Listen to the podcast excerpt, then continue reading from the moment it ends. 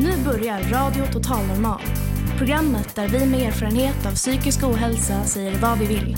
Här är alla röster lika värda.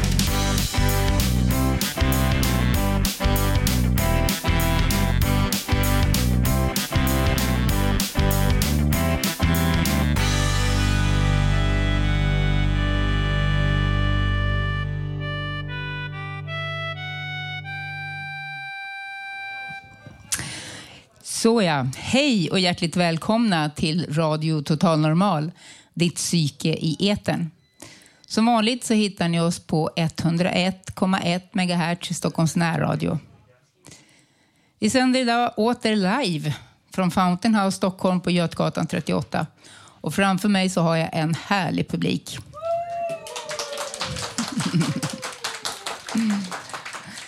Idag bjuder vi som vanligt på ett späckat program. Bland annat så gästas vi av Maria Lindström, en mångbottnad artist med lång karriär bakom sig. Vi har också Maria Fågel Andersson här. Eh, och hon är här för att berätta om sin forskning kring tjejer som blir tvångsvårdade.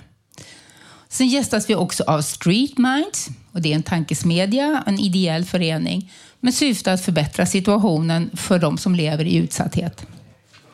Det kommer också bli poesi, filosofiska inlägg och berättelser direkt ur livet. Och naturligtvis skänker vi idag en extra tanke till alla er som har det svårt i kriget i Ukraina just nu. Men hjärtligt välkomna till dagens program och jag som är dagens programledare heter Lilian.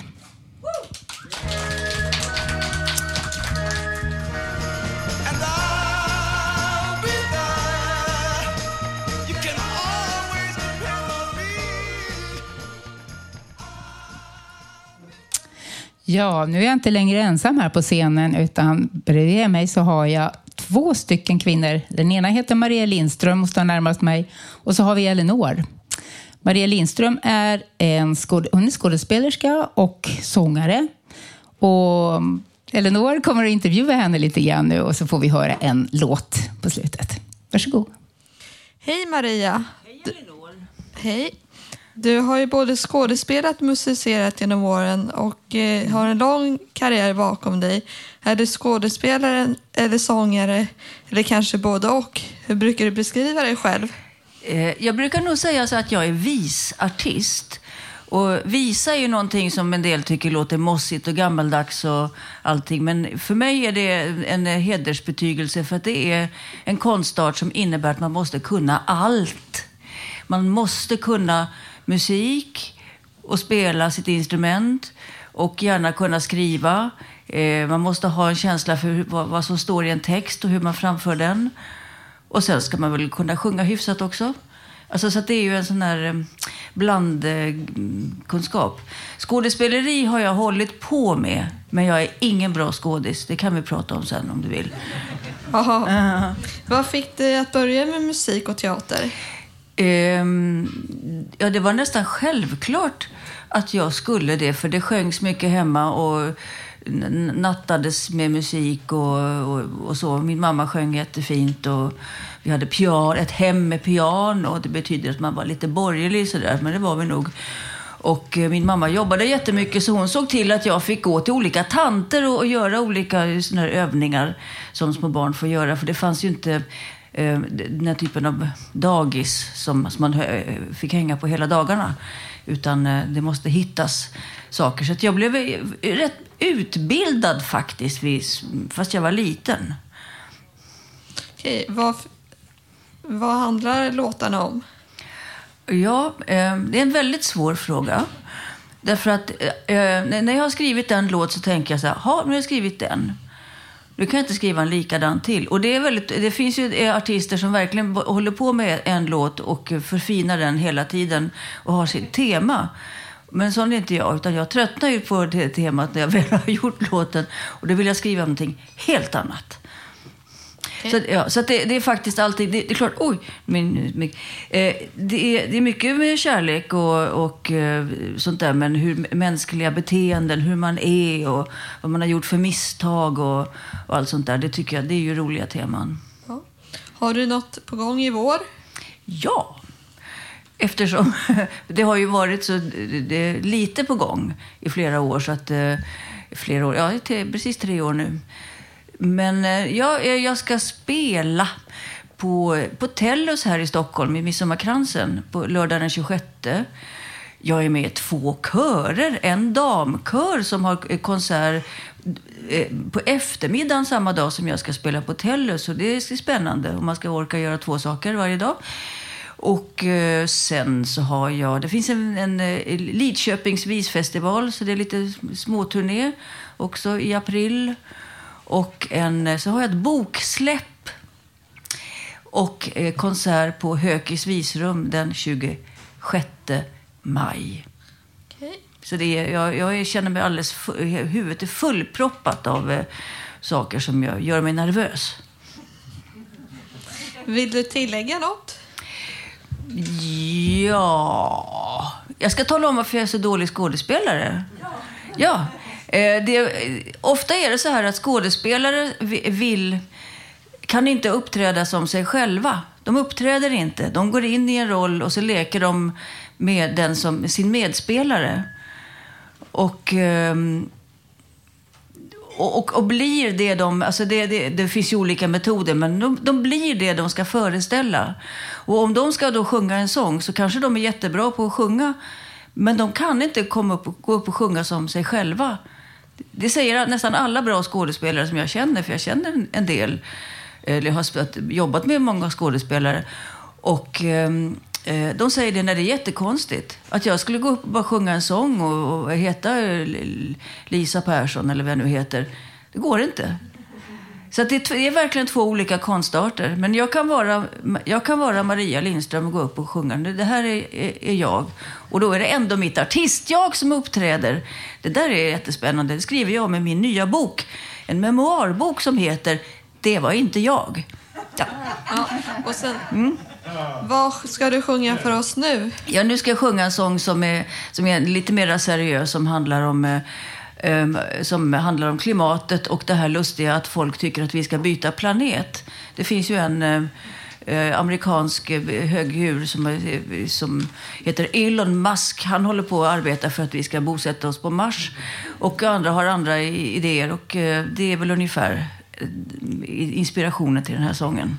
Som heter Farväl grymma värld. Jag ska jag ska flytta micken lite grann med hjälp av min roddare Malin. Titta vad du roddar bra. Det här blir bra. Just det, så jag inte klämmer in. Okej.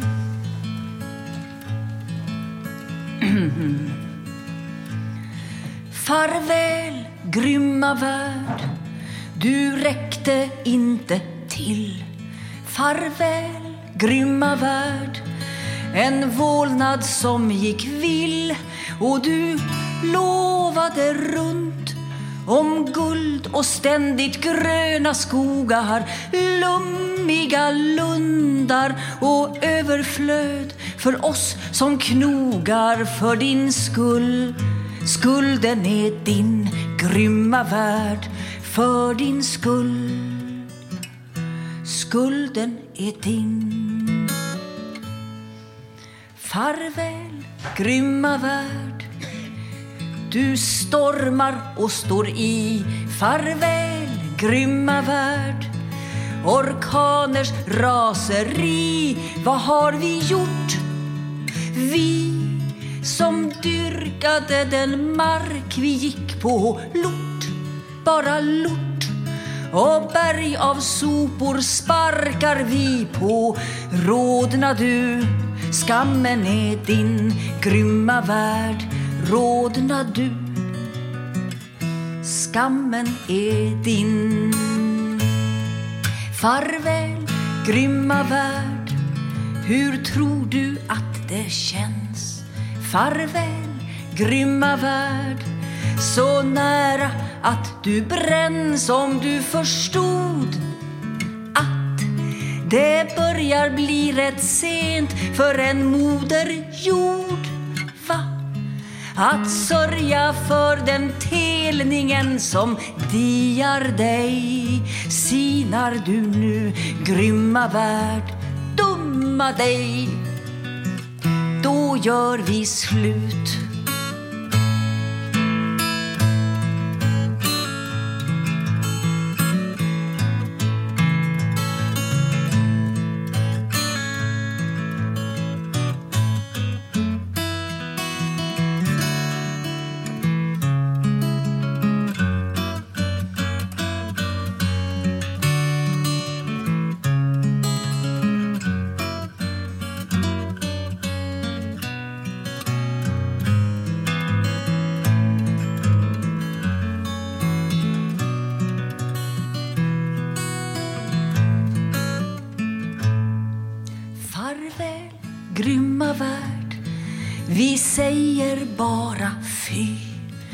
Farväl, grymma värld. Och skaffar oss en ny. Nu far vi bort. Långt på ljusårs avstånd från din torka. Torrt, hett och trångt. Jag säg den människa som kan orka ha det så ha det så bra, grymma värld, på ett tag. Ha det så bra.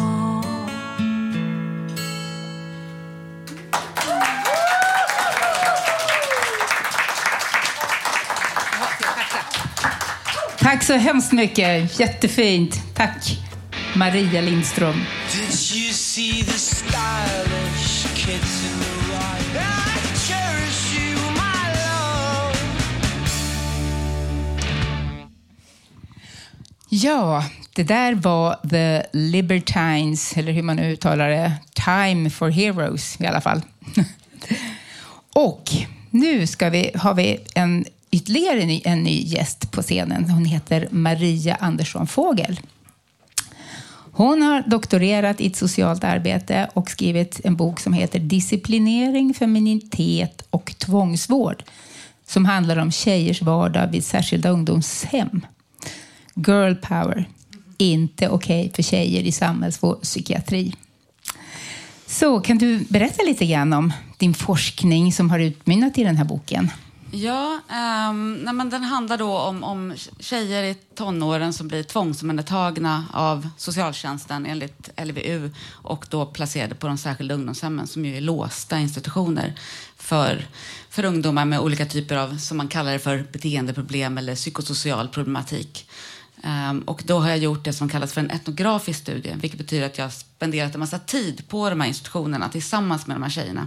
Och liksom, inte riktigt bott där, för det fick jag inte riktigt göra, men jag har varit på plats väldigt mycket och umgåtts med dem för att försöka förstå hur, hur vardagen ser ut på de här institutionerna och hur de här tjejerna själva upplever att, att vara tvångsplacerade på de här ställena. Kan du berätta lite mer om hur deras vardag ser ut och hur deras vistelse ser ut på de här ställena? Ja, den är, det finns hur mycket som helst såklart att säga om det. Men det finns några liksom aspekter som kanske är centrala. Den ena är, tänker jag, Eh, den liksom diskrepansen som finns, den stora skillnaden mellan att komma till de här institutionerna, att liksom, för de allra, allra flesta blir akut omhändertagna och ofta förda dit av polis eller liksom i ett akut läge.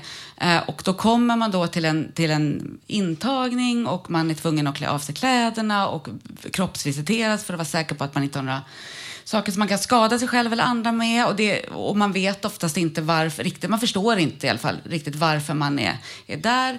Så att de allra, allra flesta tjejer som jag har träffat som som är placerade upplever att komma till de här institutionerna är jätte, jätteläskigt. Det är förknippat med jättemycket oro och rädsla och, och skräck och man förstår inte vad det är som pågår. Om man då liksom, sen när man har varit där ett tag och har en, en vardag på de här avdelningarna så är det nästan som att på ett sätt att det är raka motsatsen. För då händer det istället nästan ingenting. Eh, det, är väldigt, det är en väldigt rutinstyrd eh, vardag. Eh, personalen bestämmer precis allting. Det finns jättemycket regler, eh, varav många uppfattas som godtyckliga. Det finns mycket av de reglerna som uppfattas som maktmissbruk. Det är ibland också maktmissbruk. Um, så att man är liksom fråntagen väldigt, väldigt mycket av sitt eget, eller i princip allt av sitt eget självbestämmande. Samtidigt som man inte riktigt upplever att man får någon behandling. Um, Hur gamla är de här flickorna och unga kvinnorna i regel? Ja, man kan bli omhändertagen och placerad där hela spannet upp till, till 21 i princip. Men de absolut flesta är ungefär runt 15-16. Eh, medelåldern ligger någonstans där på 15. Men, men flickorna som placeras på de här institutionerna är, är som grupp yngre än pojkarna. Så det är en ganska stor andel av, av de placerade tjejerna som faktiskt är under 15 också. Så en del är ganska unga. Och hur länge stannar de på sådana här eh, ställen i, i genomsnitt?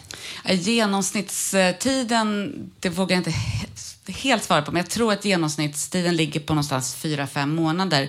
Men sen beror det väldigt mycket på. En del är ju då som sagt akutplacerade, så de är kanske där bara några dagar eller några veckor. En del är placerade för att utredas och då är det eh, en två månaders period. Och en del är då slussas vidare till det som kallas för behandlingsavdelningar och då kan det bli ganska långa tider. Och min forskning har handlat om just behandlingsavdelningarna.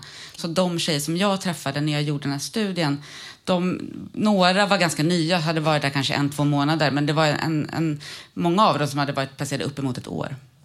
Och som heller inte riktigt visste när de faktiskt skulle komma därifrån. Heller. Nej. Och hur såg då vården slash behandlingen ut? Ja, den lös väl ganska mycket med sin frånvaro, tyvärr, skulle jag säga. Ehm, det finns ganska lite av det. Ehm, det finns ju... Man, man, man har på pappret en massa insatser, eh, en massa olika typer av liksom, behandlingsmetoder. Eh, men det är ganska sällan som det blir någonting av det, var min bild. Och också de här tjejerna som jag träffade, deras bild av det. Eh, och det kan ha massor av olika förklaringar. Det kan finnas liksom, strukturella och organisatoriska förklaringar till att personal slutar eller blir sjukskrivna och söker för att börja om. Det, var, som att det, tar väldigt, det verkar vara väldigt svårt att få, få det att komma till stånd trots att de ju är där dygnet runt och inte riktigt kan röra sig därifrån. Så det, det är lite märkligt. Är det. Mm. Du skriver om någonting som du kallar för genustvätt. Kan du beskriva vad, vad du menar med det?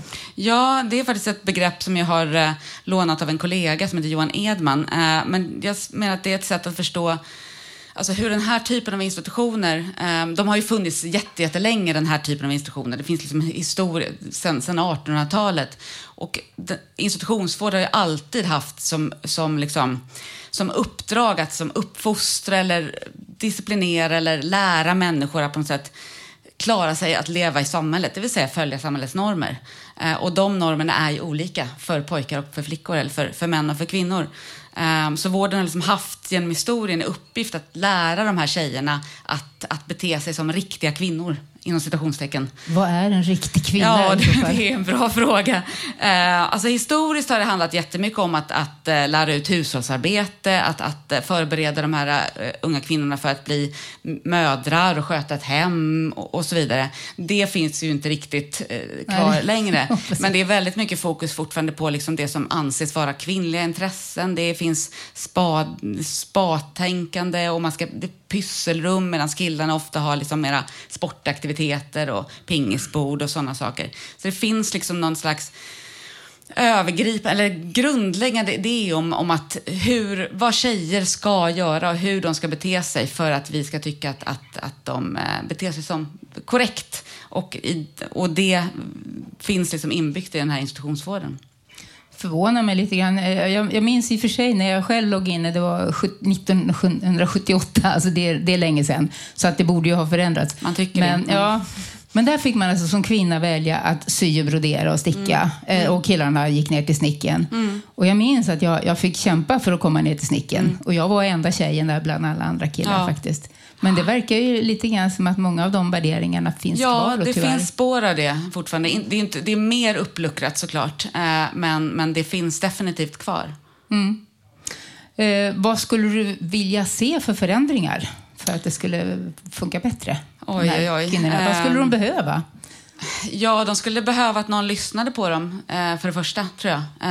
Jag upplever, och de upplever, att eh, det finns en massa idéer om vad de här tjejerna behöver för någonting. Vad som är problemet och vad man då behöver göra. Men det är ganska sällan som den föreställningen stämmer överens med tjejernas egna uppfattningar om vad som är problemet och vad de skulle behöva. Så ett första, eller helt avgörande steg, tänker jag, är att, att våga höra vad de säger och ta det på allvar. Eh, jag tror att det finns en föreställning om att det här är en grupp som inte vet sitt eget bästa och därför är det bäst att någon annan beslutar vad de behöver. Men jag tror att de, är det några som vet vad de behöver så är det de själva. Spännande att få höra. Eh, lycka till. Jag hoppas det går bättre framöver med, med att din forskning kan ha bidragit till, till Ja, någonting. det, det hoppas jag också. Fått upp ögonen för folk så att det kan bli en förändring. Tack så hemskt mycket. För Tack för att du fick komma. Mm, tack.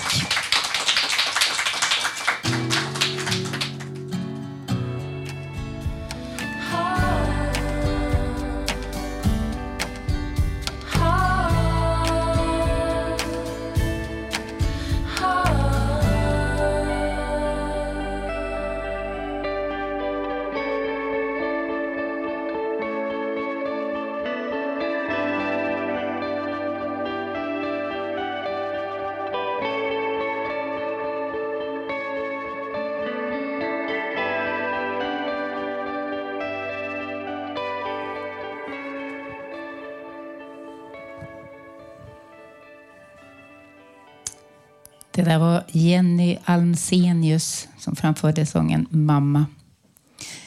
Nu har vi Kristina Weideskog här på scenen och hon ska framföra en låt till gitarr då som heter Strövtåg i hembygden. Är det din egen hembygd du sjunger om? Ja, jag tycker att eh, det är, men det är ju Gustaf Fröding som har eh, skrivit den här texten och handlar antagligen om Värmland. Men eh, jag tycker den handlar om liksom när man ibland kommer till ett ställe och det är helt förändrat och sådär och så vidare. Och sen har ju inte jag sett min, min mamma på 57 år och min eh, pappa på 10 år. Man undrar var föräldrarna är ibland, alltså, var de har tagit vägen. Eh, men jag tror att eh, även om landskapet förändras så kanske det förändras tillbaka till samma som det var innan. Okej.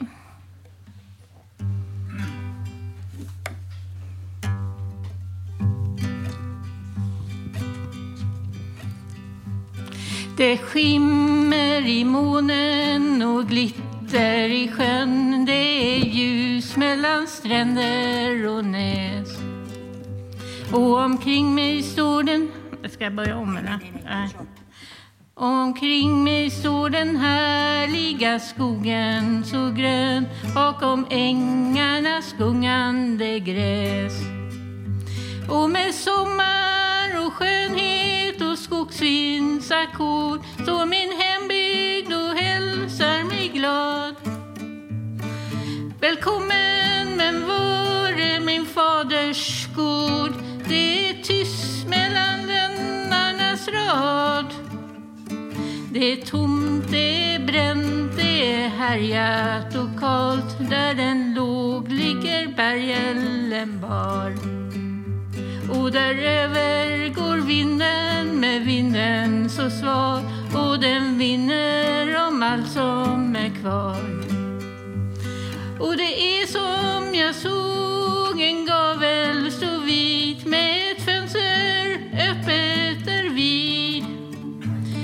Som piano det ljud och en munter bit av en visa med fin melodi. Och det är som jag hörde min faders röst medan ännu var lycklig och ung. Innan sorgen dog ut i hans dödssjuka bröst och hans levnad blev sorgsen och tung. Det är tomt, det är bränt, jag vill lägga mig ner i vitsen för att höra hans tal. Om det gamla som gått medan tiden led, om det gamla i alsternas dal. Och sitt so sorgsna och sålande svar han ger. Men så tyst så det knappt vore drömt. Det är härjat för vind sedan tjugo långa år. Det är dött och begravet och glömt. Där de kära gestalter och syner minns Där står tomheten öde och kal. Och min eviga vaggsång sjunger allt som finns av det gamla i alsternas dal. Na na na na na na na na na na na na na na na na na na na na Na na na na na na na na na na na na na na na na na na na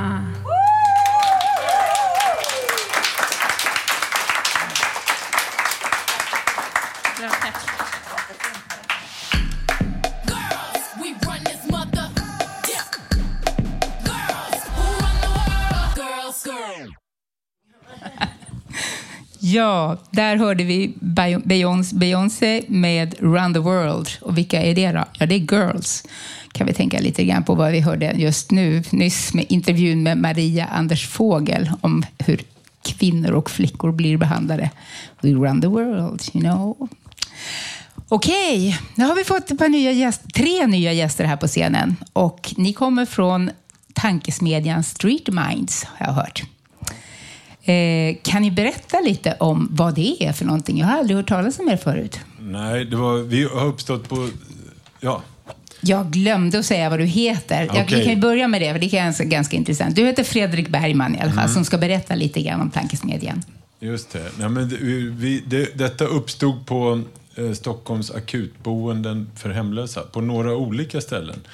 Eh, att det fanns så lite sysselsättning för människor som lever i hemlöshet och kanske i aktivt missbruk. Och, eh, och då sökte vi arvsfondsmedel för att starta ett företag och en tankesmedja. Så vi är två föreningar, den ekonomiska föreningen Street Business och tankesmedjan Street Minds. Och då har vi börjat med, vi har snott idéer från andra länder framförallt. Det finns eh, i nästan alla storstäder i Europa så finns det stadsvandringar där människor som är eller har varit hemlösa berättar om sin stad och sina kvarter. Och detta fanns inte i Stockholm, men nu finns det med oss. Och eh, från Rom har vi snott eh, eh, t-shirt-tryckeriet eh, Made in Yale heter det där. Fångar säljer t-shirts. Vårt t-shirt-tryckeri heter T-centralen. Okej. Eh, och, och så har vi ett rockband och så har vi en odling och lite sådär fixartjänst på gång. Hur länge har ni funnits och hur kom ni på den här idén?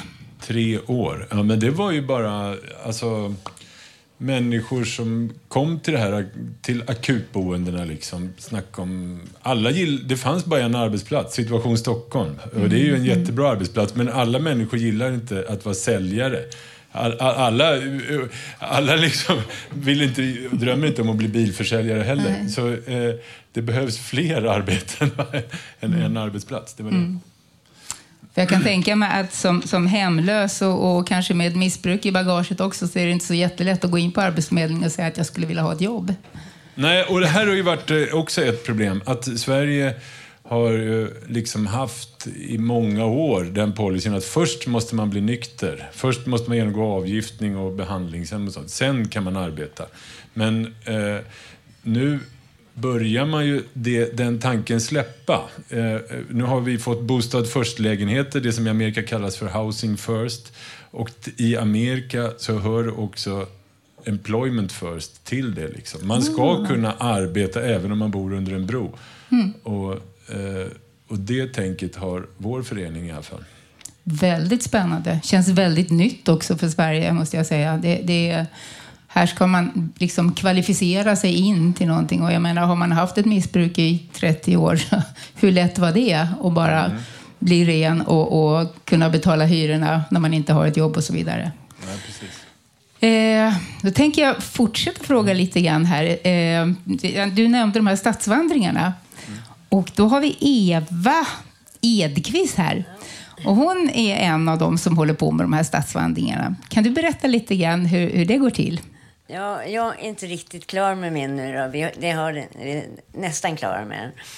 Eh, jag är ju uppväxt på Östermalm då, då och när jag knarkade ner mig, började knarka varje dag vid 11 års ålder. Och det, så att det handlar lite om det och de trygga platser som jag hade då, och, som jag tyckte var trygga runt, eh, ja, så, ja, runt Karlaplan och eh, lite annat. Eh, jag, det ska prata, jag ska prata om gropen som var där, där Fältörsten är nu. Det var en grop med skrotfirmor och, och sånt där. och bil, gamla skumma bilfilmer och det. Som Lugnet här nere Ja, vid Hammarby? precis, precis. Okej, jag är med. Och, ja, en av de tryggaste platserna jag hade när jag var liten då, då, det var Karlaplanstoaletten. Liksom. Där kunde man alltid eh, gå in när man... Var det som din bostad där du hade en fredad plats eller någonting under den tiden? Ja, lite grann så. Trygghetsplats där. Mm, mm. Och sen så visa lite fina arkitektur och sånt där, där i platserna runt där lite. Ja, och sådär. Mm. Spännande. Och Och så får man vara med och, och du berättar om ditt liv Ja. under tiden då som Ja. den här stadsvandringen Ja, pågår. Sen så hur jag hamnade eh, med i det här då, Mm. då genom Ingela. Och, eh, hon är ju fotograf och journalist också väl. Ja, och eh, jag skulle egentligen köra en kompis eh, till och träffade Fredrik och Ingela för de skulle ta foton då inför Amsterdam eh, eh, gatuvandringarna. Och då blev det, så fick vi så bra kontakt så då hamnade jag med i det här gänget och jag är jätteglad för det. Ja. Så du har varit med nästan från början då, kanske? Nej. Nej. Hur länge har du varit med? Hur länge sen är det? Jag, det är bara ett halvår någonting. halvår någonting. Okej. Ja, Ja, lite ja. drygt. Ja, då sen i somras någon gång. Ja, ja. Kul att det fortfarande funkade även under pandemin. Ja, ja vi, vi, vi startade ju även en skrivargrupp, Ingela och jag och en kille som heter LG. Och angående beroendemottagningarna och alla grejer som är fel inom beroendevården. Mm. Och så tog vi med oss, tog vi oss till eh, någonting som heter helgmottagningen dit många tvingas att gå. Och det är det sämsta man kan tvingas till för där finns det så mycket droger så det är inte klokt. Oj då. Så när man försöker hålla sig ren då så är det sämsta Ja. att man straffas med att gå dit. Och eh, då så är vi en skrivargrupp som alla fick vi, samlar vi med så många som möjligt som är intresserade. Så står allihopa upp med knuten ner och skriver enough. Ja, och så härligt. tar vi upp sådana där problem då. då. Mm. Jättekul och, och, de har även- det här vardagsrummet då, som är ett ställe dit man får eh, komma eh, och bara koppla av eller pyssla. En del spelar gitarr, en del ja, laga mat. Jag får mat varenda gång jag kommer dit. Ja, härligt. Ja, ja. Hur många är ni i- egentligen som är engagerade i det här eh, just nu? Ungefär? Kanske någonting 30-tal människor kanske. 30-tal? Ja. Och de texterna Eva snackar om har ju publicerats i tidningen Socialpolitik. Text- okej. Mm. Spännande. Ja. Alltså, jag är så fascinerad över alla verksamheter liksom, som, som ni har fått igång. Jag menar, eh, Vad jag förstår så är det också på gång det här med att fastigheter då, som står tomma som kan behöva renovering eller, eller eh, ja, att de, de ska bara raseras eller byggas om eller någonting. De står där tomma och de skulle ju faktiskt folk kunna bo i så länge. Som, som ett kontrakt tills, tills det ska rivas eller någonting eller renoveras. Eh, jag tror att Stefan Ternström har lite grann erfarenheter från något sånt och kan berätta lite. Ja, precis som domen här så, så har jag halkat in på det här för ja, i somras ungefär med Ingela och våra gemensamma nämnare. Och jag har egentligen alltid brunnit för det här med att kunna bidra till människor som har varit i utanförskap. Vilket jag också själv har varit eh, hemlös ganska länge. Eh, och eh, sen brinner jag för musiken. Så vi har ju ett band som vi spelar och vi har en, en öppen session varje fredag. Så vem som helst kan komma dit. Berätta lite mer, mer om det. Vad är det för band? Ja, De Fläckfria heter vi. Och Ah. eh, vi spelar hellre än bra. Nej, vi spelar ganska bra. Ah, Okej, ja. Men, eh, och vad kan man lyssna på er, sa du? Någonstans? Ja, vi, vi, vi har ju spelningar ute nu, förbokade faktiskt lite Okej. grann här i Stockholm. Och vi har eh, fredagar, och det här är ganska roligt då, har vi som en open stage. Vem som helst kan komma dit, spela med oss och jamma. Som spelar, spelar någon form av instrument. Var är det någonstans? Eh, Münchenbryggeriet på fredagar. Jaha, okej. Vilken tid då? Klockan två är det va? Mm, klockan två är det va? Så håller ni på ett par Ja, då, timmar? då är vi våra så- grundstommen här. Så Ja, får man ja. komma in och spela och, och ett par timmar. Va? Ja, vad spelar du för instrument? Ja, jag är gitarrist. Okej. själv, ja. Ja. Det finns ju många som helst, eller hur? Har ni trummisar och basister? Vi har trummor, vi har klaviatur och vi har bas och ja, det som behövs egentligen. Mm. Annars så fixar vi det på något sätt. Okej. Bra, Så ja. vem som helst är välkommen. Ah, kul. Ja. Eh, synd att man inte får höra lite prov på det idag, men man kan inte få allt på en gång. Ni kanske får komma tillbaka och, och ge prov på All, det. allt det här, och det har ju med de här fixartjänsterna som du, som du nämnde själv här Mm. lite grann. Och att, jag är ju snickare i botten och byggare. Mm. Och har också jobbat tidigare i livet med eh, folk utanförskap. På, Ja. Genom Stadsmissionen, jag var anställd där då. Mm. Sen har jag varit ute i världen ganska mycket och sen hamnade jag själv i utanförskap kan man Ja, säga. ja. Och eh, eh, just att jag ser ju en väldig potential när det gäller fixa tjänster. Nu, nu gäller det bara att formulera oss. Vi sitter, i vår linda nu så att säga och försöka dra igång det här i vår. Är det det ni kallar för stretarna? Eller så? Ja, just det. Precis. Ja. Det finns hur mycket som helst ute där att göra. Och eh, att fylla dagen med annat än bara driva omkring och leta efter mat och eh, ha någonstans att sova kanske. Va? Är så otroligt viktigt. Mm. För att- basala Precis. trygghetsgrejer som man behöver. Och, och, och, och försöka nis, nischa oss eh, på ett sätt som man inte trappar andra på tårna också. För det finns andra grupper som jobbar med det här lite grann. Mhm. va? Och jag, jag, jag kan se en möjlighet där. Och vi, vi är inte riktigt där men vi håller på och forcera oss fram att eh, kunna dra igång här i vår.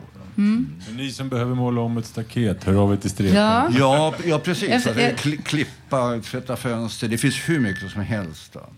att göra enkelt. Och, och jag har jobbat med det mesta. Jag har jobbat större delen av mitt liv. Ja. Och gör fortfarande som, som ålderspensionär. Och det måste man ju idag. Mm. Jag läste något på, på er hemsida, jag försökte läsa på lite grann innan ni, ni kom upp här på scen. Och då är det en kille som heter Jimmy Honkanen som, som sa väldigt bra, tyckte jag. Och det, det står, vad gör du förutom... Han är med i ert odlingsprojekt där alltså. Och frågan är, vad gör du förutom att odla? Ja, idag har jag hjälpt en äldre dam att tömma ett förråd. Annars är det väl det vanliga strulet med SOS och Försäkringskassan och fylla i blanketter. ligger mycket i det. Jag tänkte att det ligger nog väldigt mycket i det. Man kan vara, behöva vara engagerad i, i eh, sådana saker också naturligtvis, men det behöver ju inte ta över livet. Utan det här det initiativet då, som ni för fram, det låter ju superintressant. Och då undrar jag lite grann, ringer man till er då och säger, kan ni komma hem och, och ja, eh, skotta snö? Absolut, då kan man Ja. ringa till oss. Jo, jo precis. Vi håller på, håller på att ta fram ett program. Mm. Så, så att man självklart vi kunna nå oss. Street eh, mind och street business som, som kärnan är här så att säga. Och Fredrik framförallt. Så, eh, och, och även Ingela på Convictus har en liten roll med här i, i som, som, som hon sprider budskapet så att säga. Mm. Ganska mycket. Tar ni, ja, förlåt. Ja, nej, det, Tar ni betalt för det här? Eller hur mycket kostar ni per timme? Eller vad, vad, vad säger man? Ta- tanken är att människor ska ha betalt för arbete. Ja, det brukar ju vara så. Ja. just det. Det måste man, ju- man ska ju leva också. Absolut, men det är, då får man ringa eh, och komma överens om pris. ju. Okej, det är från gång, från gång till gång och, och från tillfälle till tillfälle. Så där liksom, vem det är. Ja.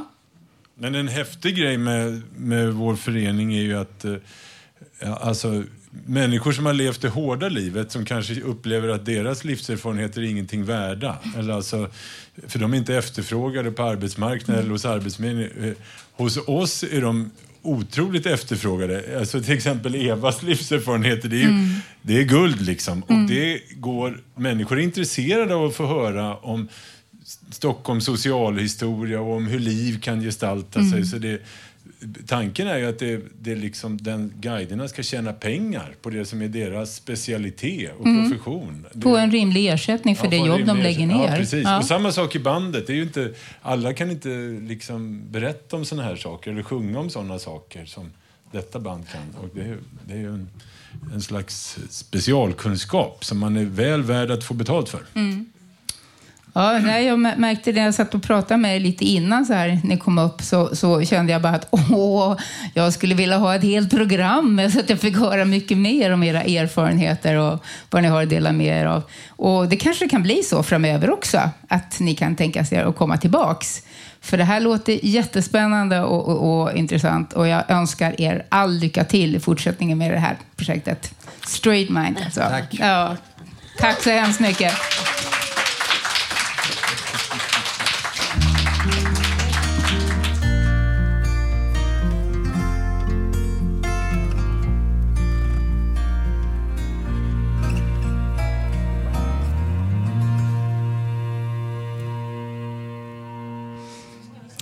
Det där var Elinor Brolin som sjöng Tidens jul, alltså Tidens H-J-U-L. Nu ska Felix få berätta lite grann om en konstutställning i Murmansk som han ska delta i med sin konst i alla fall. Eh, och jag tror Felix, visst är det så att du har en mormor som bor i Ukraina? va? Mm, kan du berätta lite? Jag ska ha en konstutställning i Murmansk som faktiskt ligger i Ryssland, på Kolahalvön. Det är en konstutställning om funktionsvariationen i, i, funktionsvariationer i dagens samhälle för att visa våra unika styrkor. Ryssland är ett land som har en taskig syn på folk med funktionsvariationer. Jag och min mamma har planerat att resa till Murmansk nu i april, men så som, så som det ser ut idag tänker jag att det inte är värt besväret. Det känns, eh, det känns tråkigt att eh, inte kunna delta. Det kan såklart finnas värre grejer än att inte delta i en konstutställning. Första prioritet för alla är att ta hand om Europa när det är i krigsläge så som det ser är nu. Jag personligen tycker att krigshändelsen är hemskt och det Putin gör är förskräckligt dåligt. Jag har en personlig relation till Ukraina eftersom min mormor Ada Becker var född i Drohobych utanför Lvov. 1939 invaderade Tyskland Polen. Lvov, där Becker-familjen bodde, låg då i Polen. Min mormor skickades till Kiev-trakten i Sovjetunionen och på så sätt slapp hon leva under tysk ockupation under tiden för Ribbentrop-Molotov-pakten. Min mormor Ada var 15 år när hon kom till Kiev. En förbipasserande konstnärinna tog sig an den övergivna flickan som fick bo hos henne. Så småningom fick Ada jobb på en kolchos där hon jobbade i jordbruket. När Hitler bröt den sovjetisk-tyska överenskommelsen genom att anfalla Sovjetunionen evakuerades hela Kiev. Ada bestämde sig för att åka hem till sin familj. Hon fick lift med en holländsk kreaturförsäljare som lät henne rida på en av sina kor. Efter en strapatsrik resa kom Ada till Lvov 1941. Lvov var en ockuperad stad. Tyska soldater bestämde. Vem som helst på gatan kunde påstå att någon var jude. Alla icke-judar fick använda sig av judar som arbetskraft. Min ingifta gammelmorbrors familj blev förrådd av en ukrainare och alla förutom han blev skickade till koncentrationslägret Bergen-Belsen där de dog.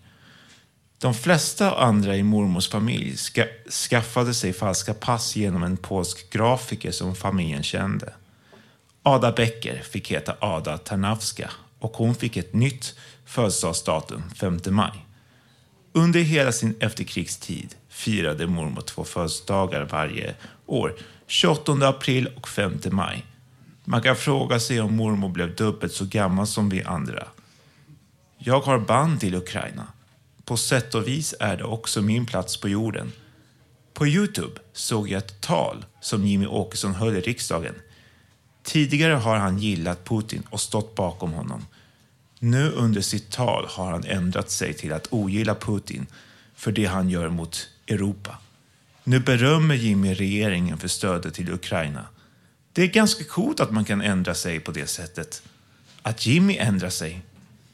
Jag tänker mig att även detta krig kan hjälpa oss att agera på ett annat sätt i våra liv och ta itu med utmaningarna på ett annat sätt än förut. Att det är en tid där vi håller på att tänka om och bearbe- bearbeta vår syn på livet. Vi måste tillsammans agera och göra någonting åt det. För det som är rätt. För att framtiden ska bli bra.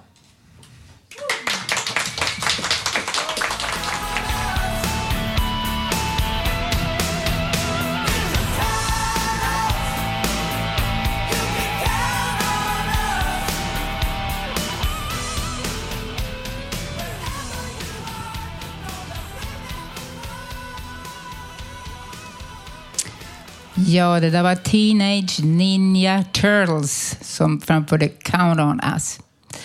Nu har jag Ann-Sofie Heder här bredvid mig. Hon ska läsa en dikt tror jag. Varsågod. Ja. Exercise. Det är roligt att ta sig ut och få motion och det är nödvändigt. Promenader i all ära, men det blir lite tråkigt i längden.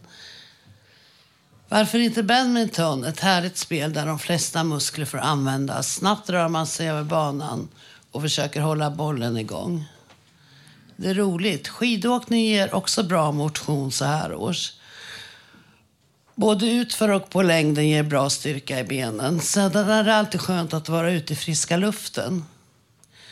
Lite varm choklad i pausen. Du mår garanterat bra. Varför inte gå och simma? Glida fram bland alla de andra i det varma vattnet. Man blir ju inte direkt andfådd när man simmar utan kan njuta av allt sammans istället. Lägga sig på rygg och flyta några längder. En annan dag kanske det passar bättre att lyfta redskap. Snabbt springer jag fram på löpbandet, sedan ror jag en stund och därefter får benen, i steg, får benen sitt i stegliften. För att inte tala om känslan när du är färdig med övningarna. Du har fått en liten kick, lite mer endorfiner i omlopp. Allt för att du ska må bra. Fast jag måste säga, det här är, är när jag var några år yngre. Nu är jag glad om jag kommer ut och promenerar varje dag. Jag skulle vilja vänta. Jag skulle vilja att någon väntar på mig.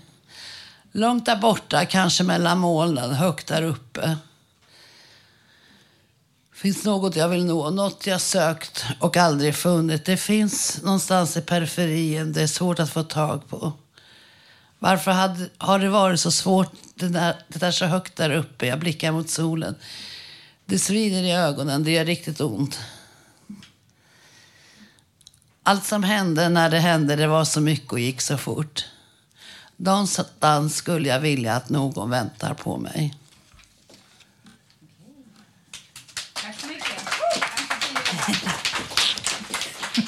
Ann-Sofie där. Tack så mycket. Nu ska vi få höra Buffalo Springfield som kör en låt som heter For What It's Worth.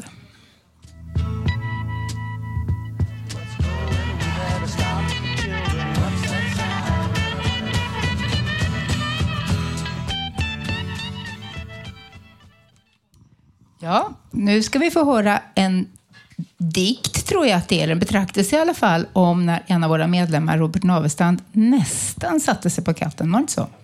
Ja, nästan i alla fall. Inte, inte, hela tyngden kanske, men jag satte mig nog på det. Men reste mig snabbt. Ja.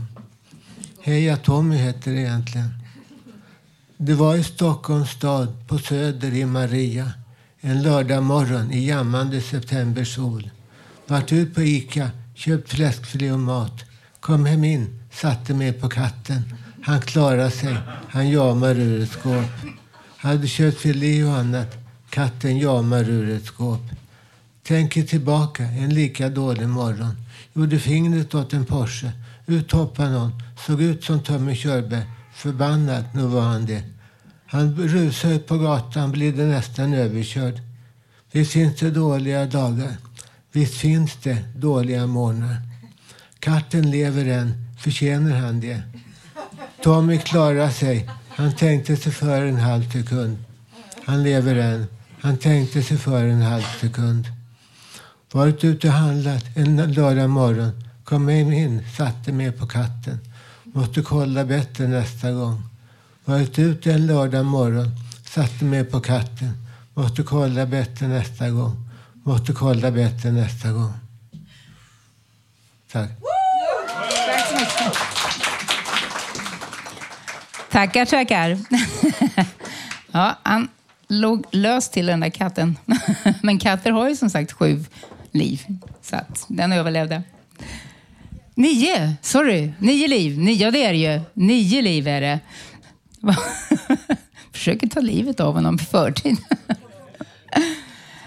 Eh, nu håller vi på att rigga om här lite grann på scenen för att nu så har projektet Black and White, Laila och Sarri intagit scenen och eh, de ska sjunga en låt som eh, är en Bob Marley-låt tror jag. Kan det vara så? Natural Mystic va? Ja visst, en Bob Marley-låt, Natural Mystic. Och det här är sångerska Laila. Hej, hej.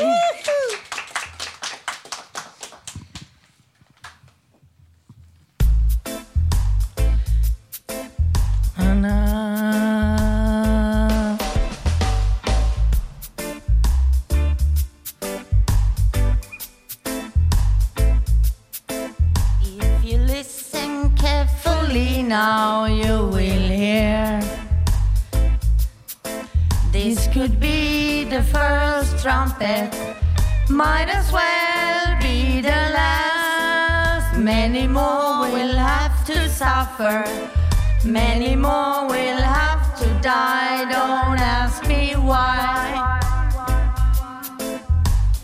Things are not the way they used to be. I won't tell no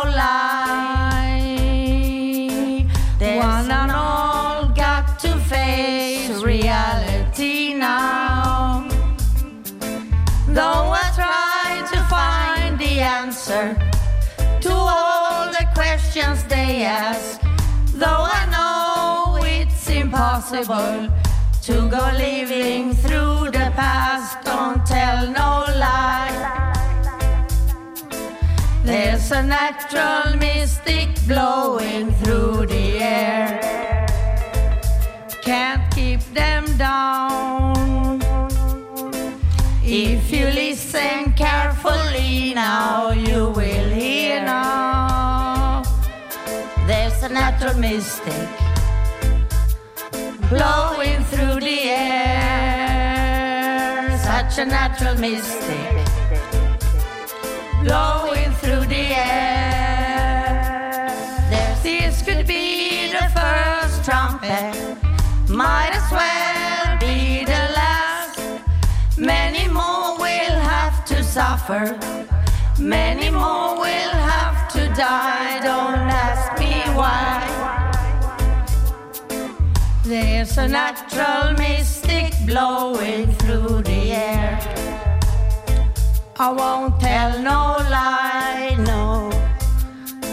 If you listen carefully now, you will hear. There's a natural mystic blowing through the air. Such a natural mystic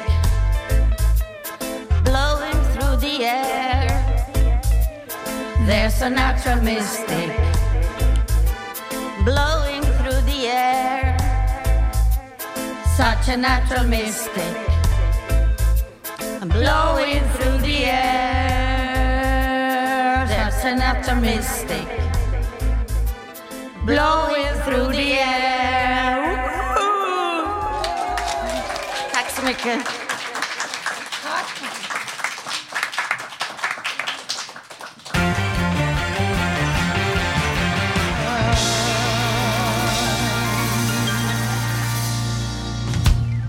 Ja, där hörde vi Eleanor Brolin igen och den här gången var det med Djävulens alternativ.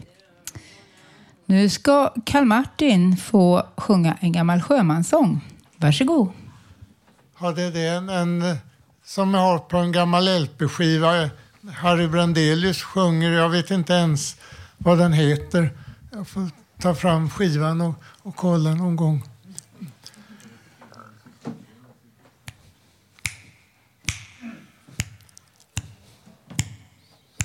Om man har seglat liksom jag i 40 runda år och aldrig haft ett annat hem än Skansen då vet man på ett ungefär hur sjömansvalsen går och känner alla turerna i dansen. Man vet vad det vill säga att stå surrad vid en ratt när stormen spelar upp i Kapersant en vinternatt. Det låter bra när sjömansskalden sjunger det till lutan men han var aldrig med ombord på skutan.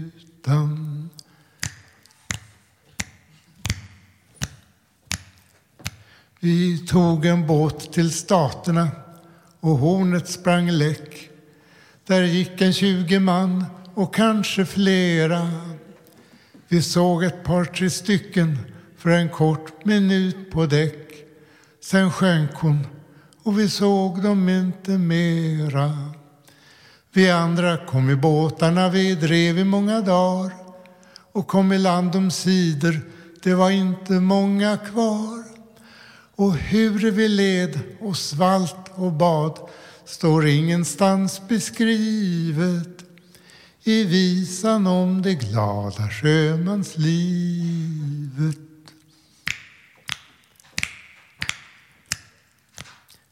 Vad ser en lätt matros i fjärran land för intressant? Ack sällan mer än krogarna i hamnen. Hur är det som med flickorna?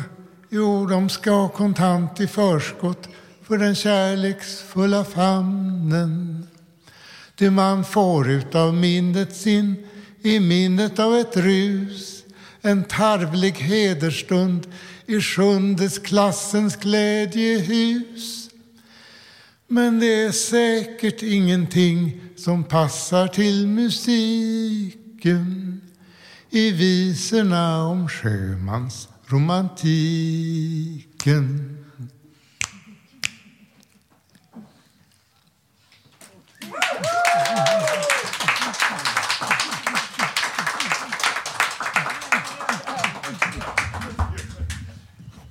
Ja, tack så mycket. Det här var faktiskt allt vi hade att bjuda på för idag. Nästa livesändning kommer att bli den 24 mars. Och vill du vara med i programmet så kan du höra av dig till info at radiototalnormal.se. Du kan alltid lyssna på oss via www.radiototalnormal.se där alla våra program finns samlade eller på Soundcloud och iTunes. Du hittar oss också på Facebook, Twitter och Instagram. Radio Totalnormal drivs av föreningen Fanzingo med stöd från Socialstyrelsen, Fountain House Stockholm och ABF. Tekniker för idag har varit Johan Hörnqvist. Woo! Producent Malin Jakobsson. Och jag som har varit dagens programledare heter Lilian Enbring. Och jag skulle också vilja som slutord säga att jag hoppas på att vi ska kunna få se en fred eh, i Europa och i Ukraina framför allt. Och jag tänker att vi ska skänka en tanke till de som fortfarande har det svårt nu. Det är också så att jag fick höra igår att klockan fyra varje dag så samlas människor över hela världen och ber för att kriget ska ta slut.